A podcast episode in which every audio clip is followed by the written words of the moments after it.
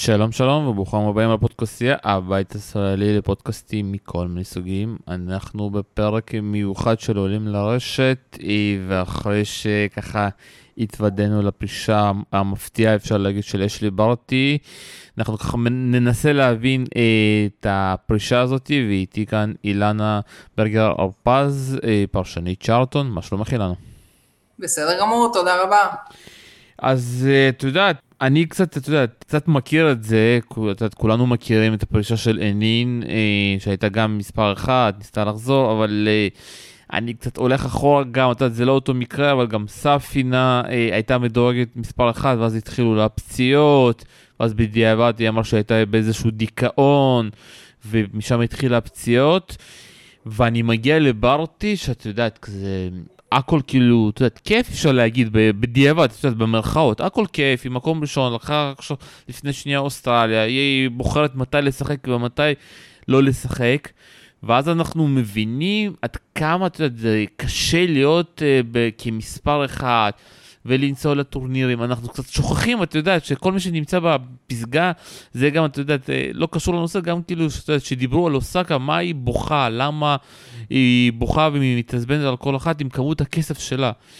אבל אנחנו רואים מפעם לפעם אה, מה זה להיות מדורג, מה זה להיות ב top 10, מה זה להיות מקום ראשון, וכמה זה קשה פיזית, מנטלית. ואת יודעת, ואנשים שמצליחים כמו הנין, כמו ברטי, להגיד, stop, בא לי לחיות קצת על עצמי, זה כאילו זן חדש, אנחנו כזה אומרים, במיוחד החובבי טניס, הלו, מה קורה כאן?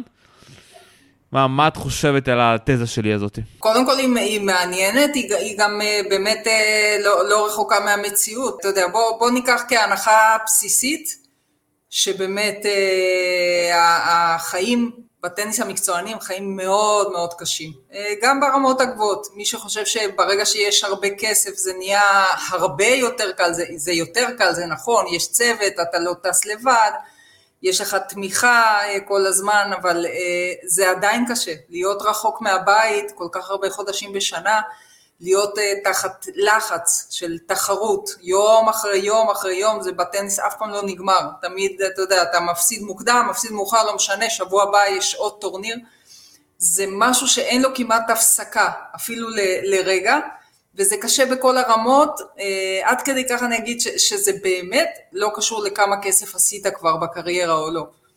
זה קשה, זה קשה, זה קשה. אין, אין, לי, אין לי משהו uh, אחר uh, להוסיף על זה. במקרה הספציפי של אה, ברטי זה מפתיע מצד אחד, מצד שני לא כל כך, ואני אסביר. אה, זה לא מפתיע מכיוון שהיא מבין כל הטניסאיות, גם אלה שמנית מהדור הקודם יותר, כמו אה, הנין, ועד ימינו אנו, היא השחקנית שאני חושבת שאפשר הכי הרבה להגדיר אותה כבחורה שנראית כמו הבת של השכן בדלת ליד. זאת אומרת, בחורה באמת לגמרי עם הרגליים על הקרקע, מאוד מאוד צנועה, מאוד מאוד אינטליגנטית, ורק מהבחינה הזאת, אה, אני חושבת שאותי זה באיזשהו מקום לא הפתיע, זה הציב אותי, זה משהו אחר, אבל זה לא הפתיע, מכיוון שאתה רואה בחורה ששמה לעצמה מטרות, השיגה אותן,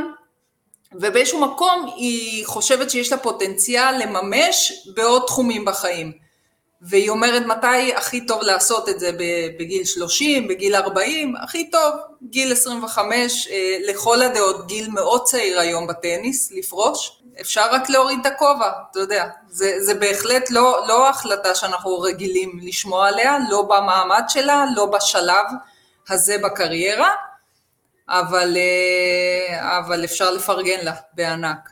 אבל שנייה, אז עכשיו אנחנו נלך ונדבר על כל העניין הזה, את יודעת, בסוף אנחנו בספורט, כמו שרונלדו משחק עד גיל 37 עכשיו ויותר, מסי, אנחנו רואים את פדרר, את נדל, אנחנו רואים את סרינה שעד עכשיו את יודעת, יכול להיות שהיא כבר לא תחזור, אבל היא לא מודיעה לפרישה, היא מפחדת מהרגע, אפילו ונוס, את יודעת, שגם היא לא משחקת, אבל אם פתאום חוזרת, פתאום כולם נותנים לה כרטיסים חופשיים. אני הולך גם למרי שלא רוצה לעזוב, את יודעת, וכולם קצת בוכים קצת על כל הכרטיסים חופשיים שהוא מבזבז. ואז אנחנו מקבלים את ברטי, ואני שוב פעם חוזר לענין, הסוג הזה שדווקא הלחץ הזה, המלחמה הזאת כלפי כל מה שכולם רוצים, בסופו של דבר אנחנו בספורט ואנחנו רוצים uh, כזה להצליח, לשבור שיאים, אבל פה מישהי באה ושובר את הכללים. זה, פה, פה אולי זה קצת אה, השוני וכאילו קצת היה חוסר הבנה של האוהד הממוצע, אתה יודע, שלא עוקב באופן כללי, מסתכל פה קצת בגרנד סלמים, הוא לא מצליח להבין למה ברטי פרשה. אני אתן לך איזה, איזה דוגמה שאני מקווה ש, שיוכלו גם מי שמאזינים לנו אה, לראות את ההקשר. אה, זה, זה כמו שקורה המון פעמים, אתה יודע, שמסעדן אה, פותח אה, איזושהי מסעדה מאוד מאוד מצליחה, באמת אה, צריך תור להזמין שולחן ארבעה חודשים קדימה כי אחרת אתה לא מוצא מקום. ואז הוא אומר וואו הנה איזה הישג איזה יופי בוא נפתח עוד סניף ועוד סניף ועוד סניף. ואז הוא הופך לרשת ענקית. ותוך כמה שנים ראינו את זה ואנחנו ממשיכים לראות את זה פושטים את הרגל. אתה יודע עיניים גדולות לפעמים זה דבר ש... שלאו דווקא עושה שירות טוב. עכשיו, כמובן שבספורט זה משהו אחר, כי היצר התחרותי אה, זה משהו שכמעט ואי אפשר להשוות אותו לשום דבר אחר, אבל עדיין, אתה יודע, בגלל זה אמרתי, יש לנו פה באמת בחורה שהיא עוף מוזר. היא עוף מוזר בטניס העולמי. היא אמרה לא פעם ולא פעמיים שהשאיפה שלה זה לנצח את ווימבלדון.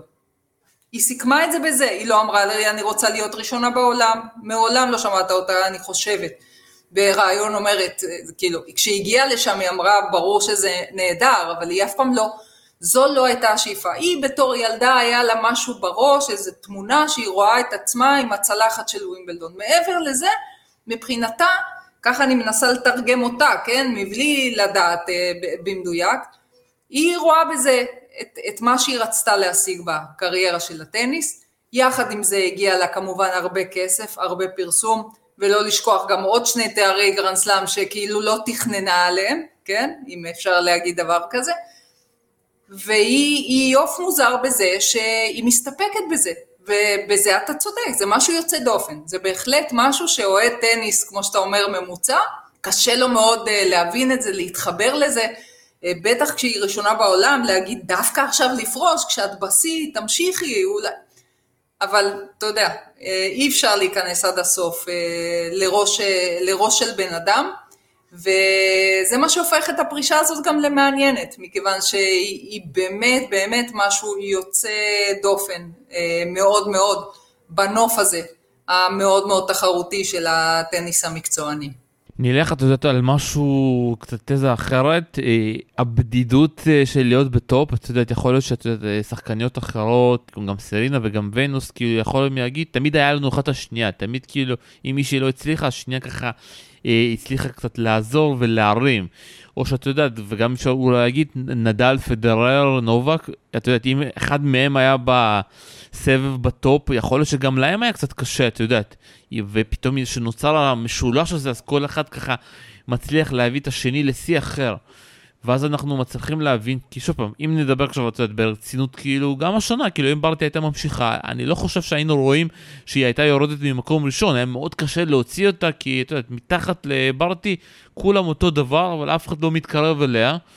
ואז כן. אני מתחיל לדבר, כאילו, הבדידות של מקום ראשון, הבד... הלחץ, הש... אבל השאלה, למה אנחנו, כאילו, למה המקום הראשון הזה כל כך מלחיץ? ושוב פעם, תסתכלי גם על הטבלה של המדורגות הראשונות. זה אצל אנשים, אתה יודע, זה אפשר להגיד, התחלופה כל כך אה, גבוהה, הקושי הזה של להיות במקום ראשון, אני באמת זוכר את ספינה, שבאמת דיברו איתה ובדיעבד בכמה פודקאסטים, גם ברוסית, גם באנגלית, והיא סיפרה, שמו, אני הייתי לא, מגיע לגמרים לחוצה, מה יקרה אם אני מפסידה? אז אצל ברטי, אנחנו לא שמענו, את יודעת, על דיכאון, לא שמענו על... אבל כן, יש שם איזושהי בדידות, או איזשהו חוסר אונים, אני כזה אומר, כי אם תסתכלי גם שנה שעברה, כאילו, אחרי אויוס אופן, היא לא נסעה לסבב אה, לאינדיאן ווילס, היא פשוט אה, החליטה לגמור את העונה.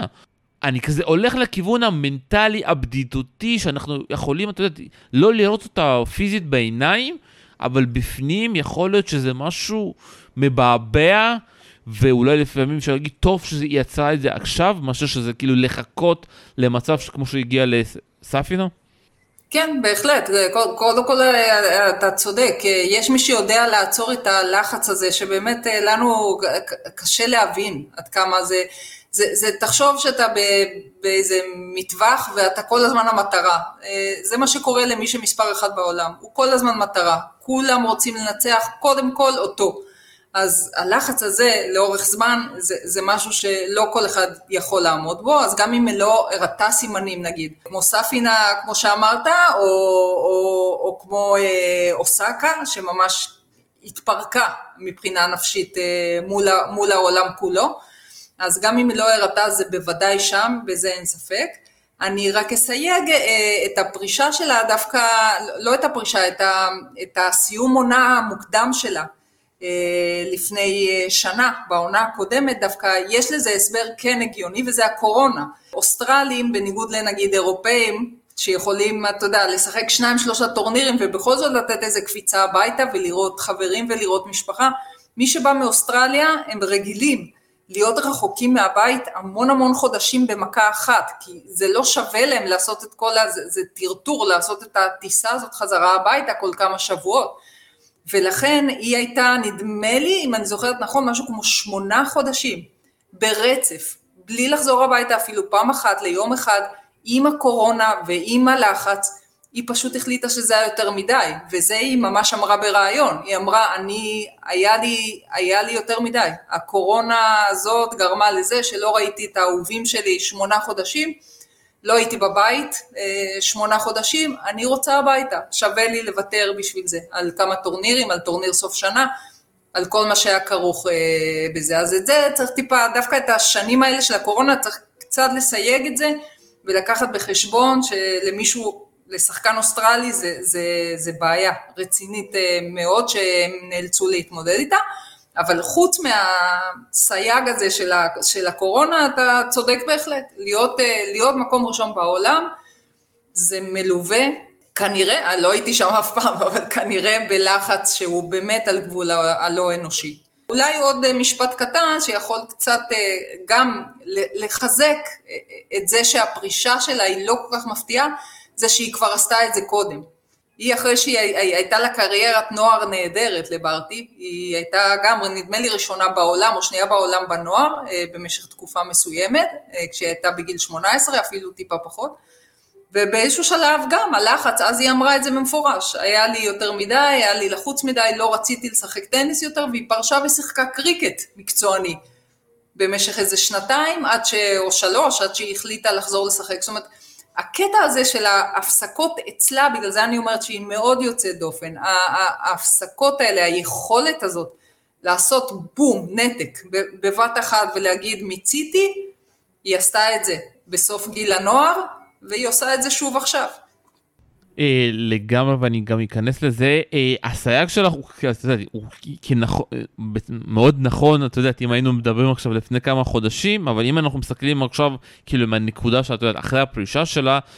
זה, אני חושב ששם זה התחיל כאילו להיות הטריגר כביכול, שהיא שמונה חודשים מחוץ לבית, היא חזרה מוקדם מדי כדי להיות עם המשפחה, וגם אנחנו שמענו את זה גם כאילו ברעיון שלה עם את יודעת, הרעיון הפרישה שלה, היא אמרה, אני פשוט רוצה להיות בבית, להיות עם החברים שלי, אני לא, אין לי כוח לטיסות האלה, וגם, את יודעת, למרות שעכשיו המצב באוסטרליה יותר קל, אפשר להגיד, עדיין, כאילו, אם היא נוסעת, והיא צריכה להיות עכשיו, עונת החימר, היא צריכה להיות באירופה, אחרי זה מתחילה עונת הדשא, רק אחרי עונת הדשא היא צריכה, רק, יכולה לחזור, ואז אנחנו עוד פעם מתחילים את הסיבוב הזה בעונת הקשים בארצות הברית. אז אני חושב שכל העניין הזה דווקא אצלה, וגם העניין הזה להחזיק את המקום הראשון, קצת אה, יצר את הטריגר, אבל מה שמפתיע אה, אותי וגם הרבה אנשים, שהיא גם ביקשה להוציא את עצמה מהדירוג, את יודעת, אחרי, בגלל זה גם כל הפסטיבל סביב איגר שווינטק, שהיא כביכול אה, עלתה למקום ראשון, כי את יודעת, או שאתה נשאר במק... בטבלת הדירוג, או שאתה מבקש להוציא את עצמך. וברטי הוציאה את עצמה, ואז הרבה שואלים, אם היא חוזרת פתאום תוך שנה, שנתיים, היא מתחילה הכל מחדש, אז אומרים כן. אז למה, כאילו, להוציא את עצמה, כאילו, זה מרגיש כזה שהיא רוצה כזה, החליטה, אני פורשת להתנתק מיד, כאילו שיש כן. שם איזשהו משהו שהיא רוצה כאילו, היא לא רוצה להיות אה, השחקנית הזאת שהייתה במקום הראשון. לי זה קצת מוזר, אתה יודע, הפתאומיות הזאת וגם ההוצאה בכוח. כן, יש, יש בזה משהו, גם, גם בזה יוצא דופן. אה, בדרך כלל שחקנים שפורשים, אז אתה יודע, אז נשמר להם הדירוג אי שם, הם מתחילים לאט לאט להידרדר עד שהם נעלמים אל תוך האלף אה, ומשהו בעולם, או כמה, ש, כמה שיש. אה, היא ביקשה להוציא אולי זה גם מסר, אתה יודע, מסר של אל תשאלו אותי על חזרה. כי הרי אין סיכוי שאני בעוד שנה, שנתיים, בגיל 27 או 8 או, או 9, אתחיל את כל הדרך הזאת מאפס. אין סיכוי. יכול להיות, אתה יודע, זה שוב, פרשנות שלי, לא, לא שאני יודעת משהו בוודאות. זה מין להעביר מסר לעולם, כן, אני פורשת וזה סופי. זאת אומרת, אל תצפו לאיזשה, לאיזשהו קאמבק, כמו שהתרגלתם אולי משחקניות לפניי, אבל שוב, ימים יגידו. אתה יודע, גם, אה, גם אם היא ביקשה להוציא את עצמה מהדירוג, והיא כן תחז...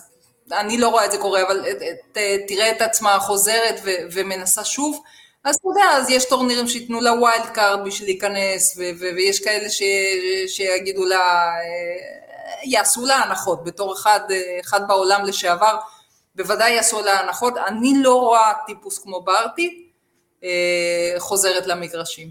אבל שוב, זה סתם נבואה, לא, לא, משהו, אה, לא משהו שמבוסס על משהו קונקרטי. אני דווקא אתה רואה את הסיפור הזה שכאילו אחרי שנה שנתיים כזה פתאום משעמם לה יכול להיות שהיא תלך תשחק קריקט גולף ופתאום היא תגיד אה בא לי טניס והיא פתאום תחזור והיא תקבל את יודעת כמו מרי כשהיא כרטיסים חופשיים מפה עוד הודעה חדשה. אני אשמח לדבר איתך כשזה קורה. אה, נעשה לנו עוד, אה, עוד מפגש. באמת אף אחד מאיתנו לא באמת יודע. בואו קצת נדבר על, את יודעת, אה, מה, מה זה גורם לסבב הנשי, כי את יודעת, יש תמיד טענות, את יודעת, אנשים שלא אוהבים כל כך את מה שקורה בסבב, ואני תמיד כזה מנסה ככה להזכיר לאנשים, מה, איזה סבב גברים, את יודעת, היה לפני פדרר. אנשים שוכחים קצת, את יודעת, היו שם גם תחלופה כזאת גדולה, לא היו כוכבים, המצב היה בקאנטים, את יודעת, אחרי הדור הגדול של, אה, יודעת, של האמריקאים, עד שפדר עלה באמת לגדול, לגדולה שלו, לא היה שם מישהו שבאמת החזיק יותר מדי זמן, את יודעת, סאפי ניואיט קצת, עוד קצת שחקנים, אה, קוורטן, ואז פתאום הגיע הדור הזה, ואצל אנשים תמיד כולם מחפשים, מחפשים, מחפשים, לא מוצאים באמת איזושהי יריבות אפשר להגיד, ואמרו, הנה, עכשיו כולם ישתקו, ברתי פה מקום ראשון, והיא, מגיע לה, היא זוכה ב slam, סוף סוף מישהי שאפשר להגיד עליה שחקנית לגיטימית ועקבית.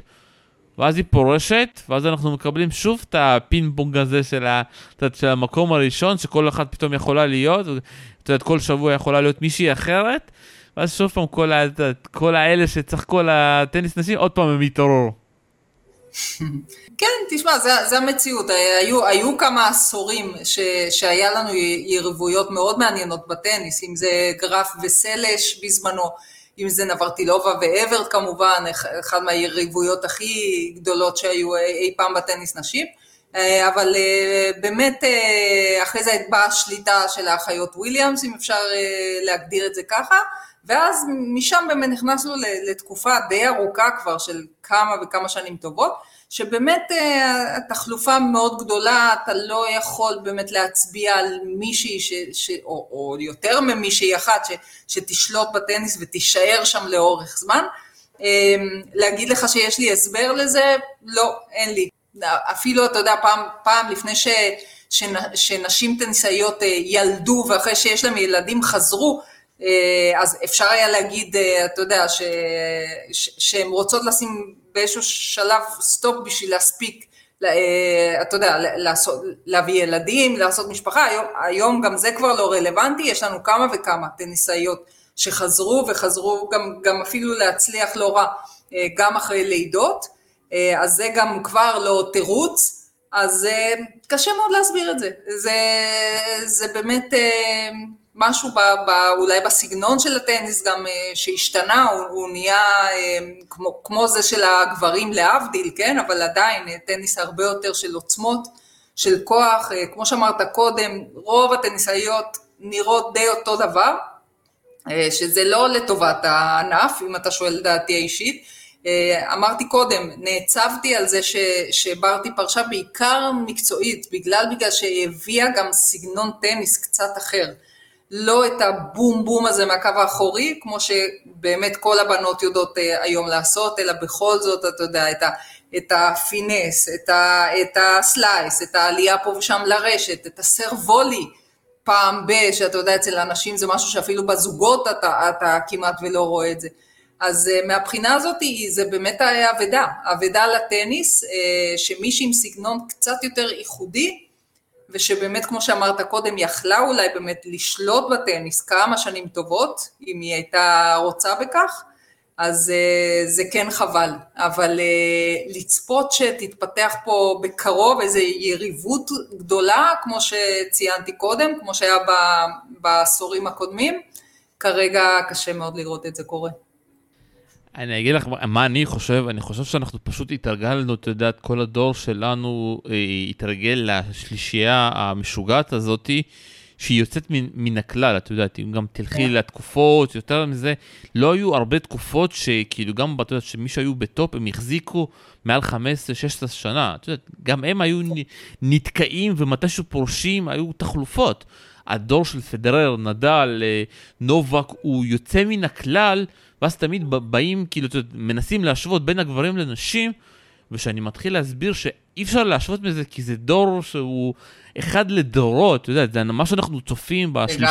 בשלישייה הזאת, זה משהו פעם ב... ואנחנו, אתה יודע, אחרי שהם יפרשו, אנחנו נמשיך, אנחנו נראה את מדוודף, ציציפס, פליקס, ואנחנו נראה באמת את התחלופה הזאת כמו שיש בנשים, כי אתה יודע, כי כולם שווים. אני באמת לא רואה שמישהו מה, אתה יודע, מהדור הצעיר עכשיו שיש אצל הגברים, אחרי הפרישה של כל השלישייה, הם באמת, מישהו יצליח להיות כמו פדר או נדל כמו של נובק עם העליונות הזאתי בכמות הסלאמים והזכיות.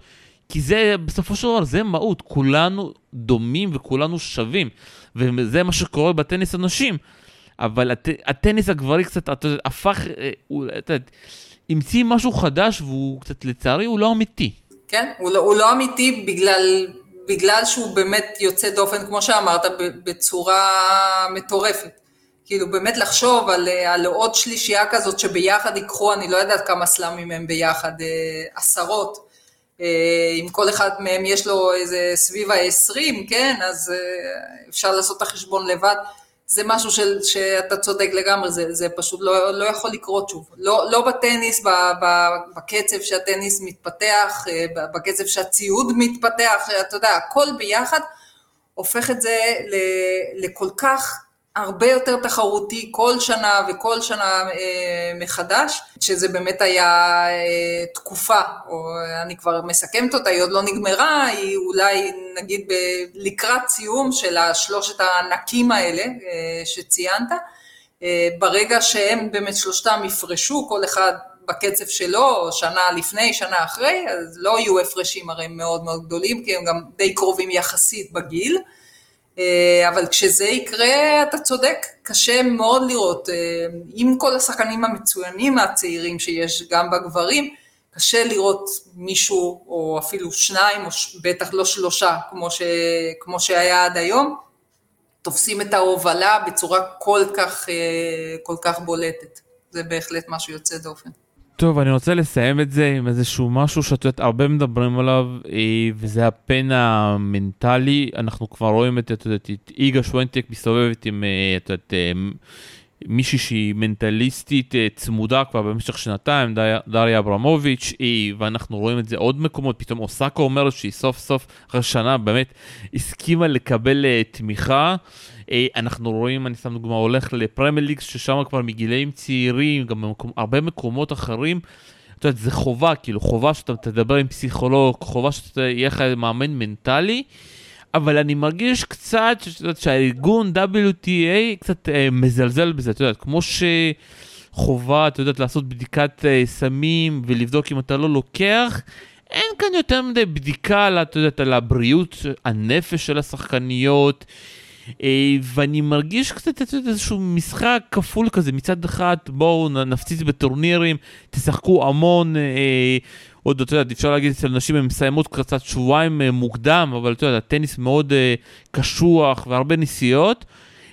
אבל מצד שני, אין פה איזשהו ארגון, אין פה איזשהו, אתה יודע, כל העניין הזה של הנפש, של בואו בוא נעזור קצת, שאנחנו רואים, אתה יודע, איך בהייטק אחרי הקורונה, אתה יודע, כל הארגונים פשוט התעוררו, פתאום אפשר לעבוד באופן היברידי, פתאום נותנים כל מיני דברים. ו-WTA קצת, את יודעת, נשארים קצת מאחורה, ולאט לאט, את יודעת, זה... אני מפחד שזה קצת יפגע בהם. אה, אתה יודע, על דברים האלה כמו, אה, כמו חוסן מנטלי או, או, או בעיות אה, מנטליות או רגשיות בספורט מקצועני, קצת התביישו לדבר עד לא מזמן, עד כמה שזה יישמע מטורף, אבל אני חושבת שדווקא סיימון ביילס במשחקים האולימפיים האחרונים בטוקיו, ההתפרקות אה, של הנפשית, זה היה ברור שזה נפשי, באמצע, באמצע בעצם הבמה הכי גדולה, פתח איזשהו, איזשהו פקק שהיה תקוע בתחום הזה והתחילו כן להתייחס לזה יותר, זה, זה, זה בהחלט אה, משהו ש, שגם ה-WTA כמו כל ארגון ספורט אה, חזק ואחר, בכל ענפי הספורט, בטח ובטח בספורט יחידני, כמו טניס, כמו התעמלות באמת, איפה שסיימון ביילס, אה, למרות שזה מאוד חשוב גם בקבוצות, לדעתי, בספורט הקבוצתי, זה משהו שיצטרכו, יצטרכו לעשות איזה,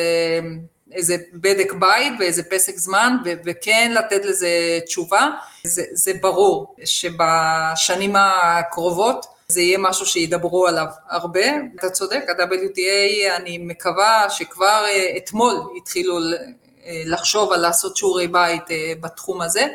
כי אחרת אה, באמת, אתה יודע, כל היום זה, זה, זה רייטינג ובאמת כספים של אה, נותני חסות וטורנירים, אבל הדברים האלה קודם כל אה, מושתתים על זה שיהיה טניסאים וטניסאיות, ואם טניסאיות יפרשו בגלל לחץ או בגלל חוסר, חוסר יכולת להתמודד, אחרי שנה או שנתיים של טניס מקצועני, זה לא מה שה-WTA רוצה להראות החוצה לעולם, אז אני מאוד מקווה, יחד איתך, שהם באמת יתחילו להתייחס לזה קצת יותר ברצינות. לצערי אני חושב שהם די איטיים, אני אגיד לך את האמת. אה, הם מאוד איטיים, כארגון הם, את יודעת, פועלים די איטי,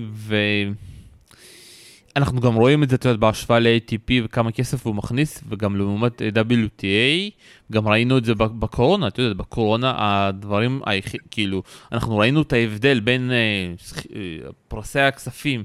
לטורנירים של גברים לבין נשים, כאילו הפער היה מטורף, וזה רק מראה איזה ארגון עובד יותר טוב. אתה יודע, בכלל, זה סוג של אה, פנטזיה כנראה, אבל אה, אני לא רואה בימים של, אה, של שוויון מגדרי, שזה הפך להיות משהו שכל כך מדברים עליו, אה, למה בכלל צריך שיהיה שני ארגונים? אתה יודע, טניסאים, טניסאיות, הם, הם עוברים את אותו מסלול, אה, את אותם קשיים, אה, כמעט את, את אותן תחרויות, אתה יודע, ו, ועדיין יש להם שני ארגונים נפרדים, ש, שלא לדבר על, על הבזבוז משאבים, אבל מעבר לזה, אין לזה שום הצדקה. אה, אבל אה, על זה בכלל אין דיבור, כן? של, של לאחד כוחות ולעשות גוף אחד חזק שייצג את כולם ביחד, טניסאים, טניסאיות, ואז לא תראה את ההפרשים בפרסים ולא תראה את, ה, את הפערים בטיפול בבעיות, כמו הבעיות האלה של בעיות נפשיות אצל אה, ספורטאים מקצוענים. אתה יודע, זה תהליכים שבדרך כלל לוקחים, לוקחים הרבה מאוד זמן. יש כל מיני אינטרסים, המון המון אה, כסף אה, מעורב בדברים האלה, זה תעשייה, בסופו של דבר זה תעשייה, זה בידור, אה, אנחנו שוכחים את זה, אבל טניסאים בשביל הארגונים האלה הם אמורים להיות אלה שמביאים להם את הקהל ואת החסויות ואת הכסף, ועד שסדר העדיפויות הזה לא, לא ישתנה וישימו קודם כל את הטניסאיות, במקרה של ה-WTA, בראש הפירמידה, אז uh, לצערי uh, יהיה קשה לקדם תהליכים uh, שהם אמורים להיות הרבה יותר בריאים לכולם. את, את יודעת, התשובה מאוד קלה. פדרר, אם את זוכרת, בקורונה כן הציע את זה, ומי היה נגד? נובק ונדל. ולנובק, אם את זוכרת, הוא מנסה שם להוציא איזשהו ארגון שחקנים עם פופסיפיל לבד. אז יש כאן אינטרסים בסופו של דבר. זה מה שאמרתי, זה, זה, זה עולם רווי אינטרסים ופוליטיקות, אה, כמו לצערנו שקיימות בספורט, לדעתי בכל ענף, ופה מדובר גם על אה, בודדים, אם, אם ציינת את נובק, הוא, הוא, לא, הוא לא לבד, אבל אה, על בודדים גם עם המון השפעה, המון כסף, שעדיין אה, הסבב העולמי צריך אותם, רוצה אותם. כי אחרת היו, אתה יודע, אולי עומדים מולו קצת יותר חזק ומנסים לא לפגוע בו בדרך כן, המון אה, אינטריגות, המון אינטרסים, אה, זה חלק מה, מהעולם שאנחנו חיים בו היום, לצערי. טוב, הולך להיות באמת מאוד מעניין, ואני באמת רוצה לסכם את הפרישה הזאת של... חבל, שוב פעם, איבדנו שחקנית שאני חושב שבאמת הייתה מצליחה עוד, ואת יודעת, גם היה מספיק בשבילי, כאילו, את יודעת, היא הייתה משחקת את הכמות טורנירים שהיא רוצה, את יודעת, ואחרי זה כאילו לוקחת חופש. לדעתי זה היה בסדר, אבל באמת אנחנו, את יודעת, אנחנו אנשים קטנים ממדינה קטנה, אה, ואני לא מדבר רק עלינו, גם את יודעת, על עיתונאים ואלה שמסקרים, אנחנו בחיים לא נוכל להבין מה זה להיות במקום ראשון, ומה זה הלחץ הזה, כל פעם לרדוף, כל פעם לבוא ולנצח. ואנחנו מכירים המון אנשים שהיו במקומות האלה ולא מצליחים, את יודעת, לחזור לעצמם ולא מצליחים אה, להעמיס עליהם את הלחץ הזה, ואנחנו רואים באמת עכשיו גם את סבלנקה עם הפתיחת העונה הדי גרועה שלה, בין, אתה יודע, את הכיף, מה שאנחנו רואים באינסטגרם, לבין איך שאנחנו רואים אותה על המגרש. זר, אני אסכם את זה, זר לא יבין זאת. נכון, נכון, זה, זה משהו ש, שקשה לנו מאוד מאוד... אה, לחוות אותו אה, עד הסוף, כמו שהם חווים, חווים על הבשר ש, שלהם. זה כנראה באמת משהו שאתה יודע, נצטרך כ, כצופים מהצד לנסות להבין, אבל זה המצב. ספורט, אה, ספורט לא קל. בכלל ספורט מקצועני הוא לא קל, על אחת כמה וכמה ספורט כמו טניס, אתה יודע, לא ניכנס עכשיו גם לנושא של כן מאמן, לא מאמן, כאלה. כל, כל מיני דברים ש, שהופכים אותו לאחד מענפי הספורט הכי הכי קשים שיש מבחינה מנטלית.